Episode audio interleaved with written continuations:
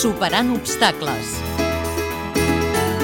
El proper cap de setmana se celebra la jornada de les malalties estranyes o sense un diagnòstic concret.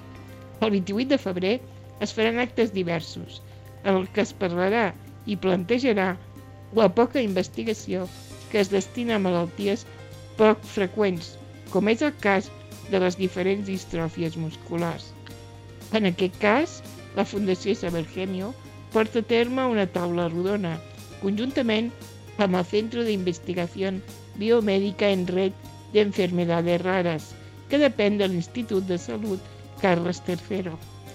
La intenció d'aquest debat és el d'aconseguir més investigació per avançar en coneixement i qualitat de vida de les persones que tenen aquestes malalties. La periodista Isabel Gemio té un fill amb distròfia muscular. A partir d'aquest moment es mou per aconseguir més investigació i recolzament en aquest camp. Ho fa a través de la seva fundació, que podeu conèixer a la web fundacionisabelgemio.com.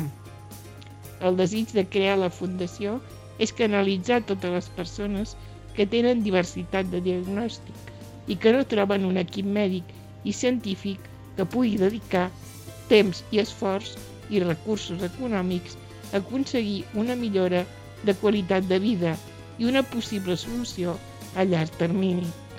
Les malalties estranyes, segons la Unió Europea, són aquelles que tenen una freqüència baixa. Vol dir que hi ha menys de 5 casos per cada 10.000 habitants.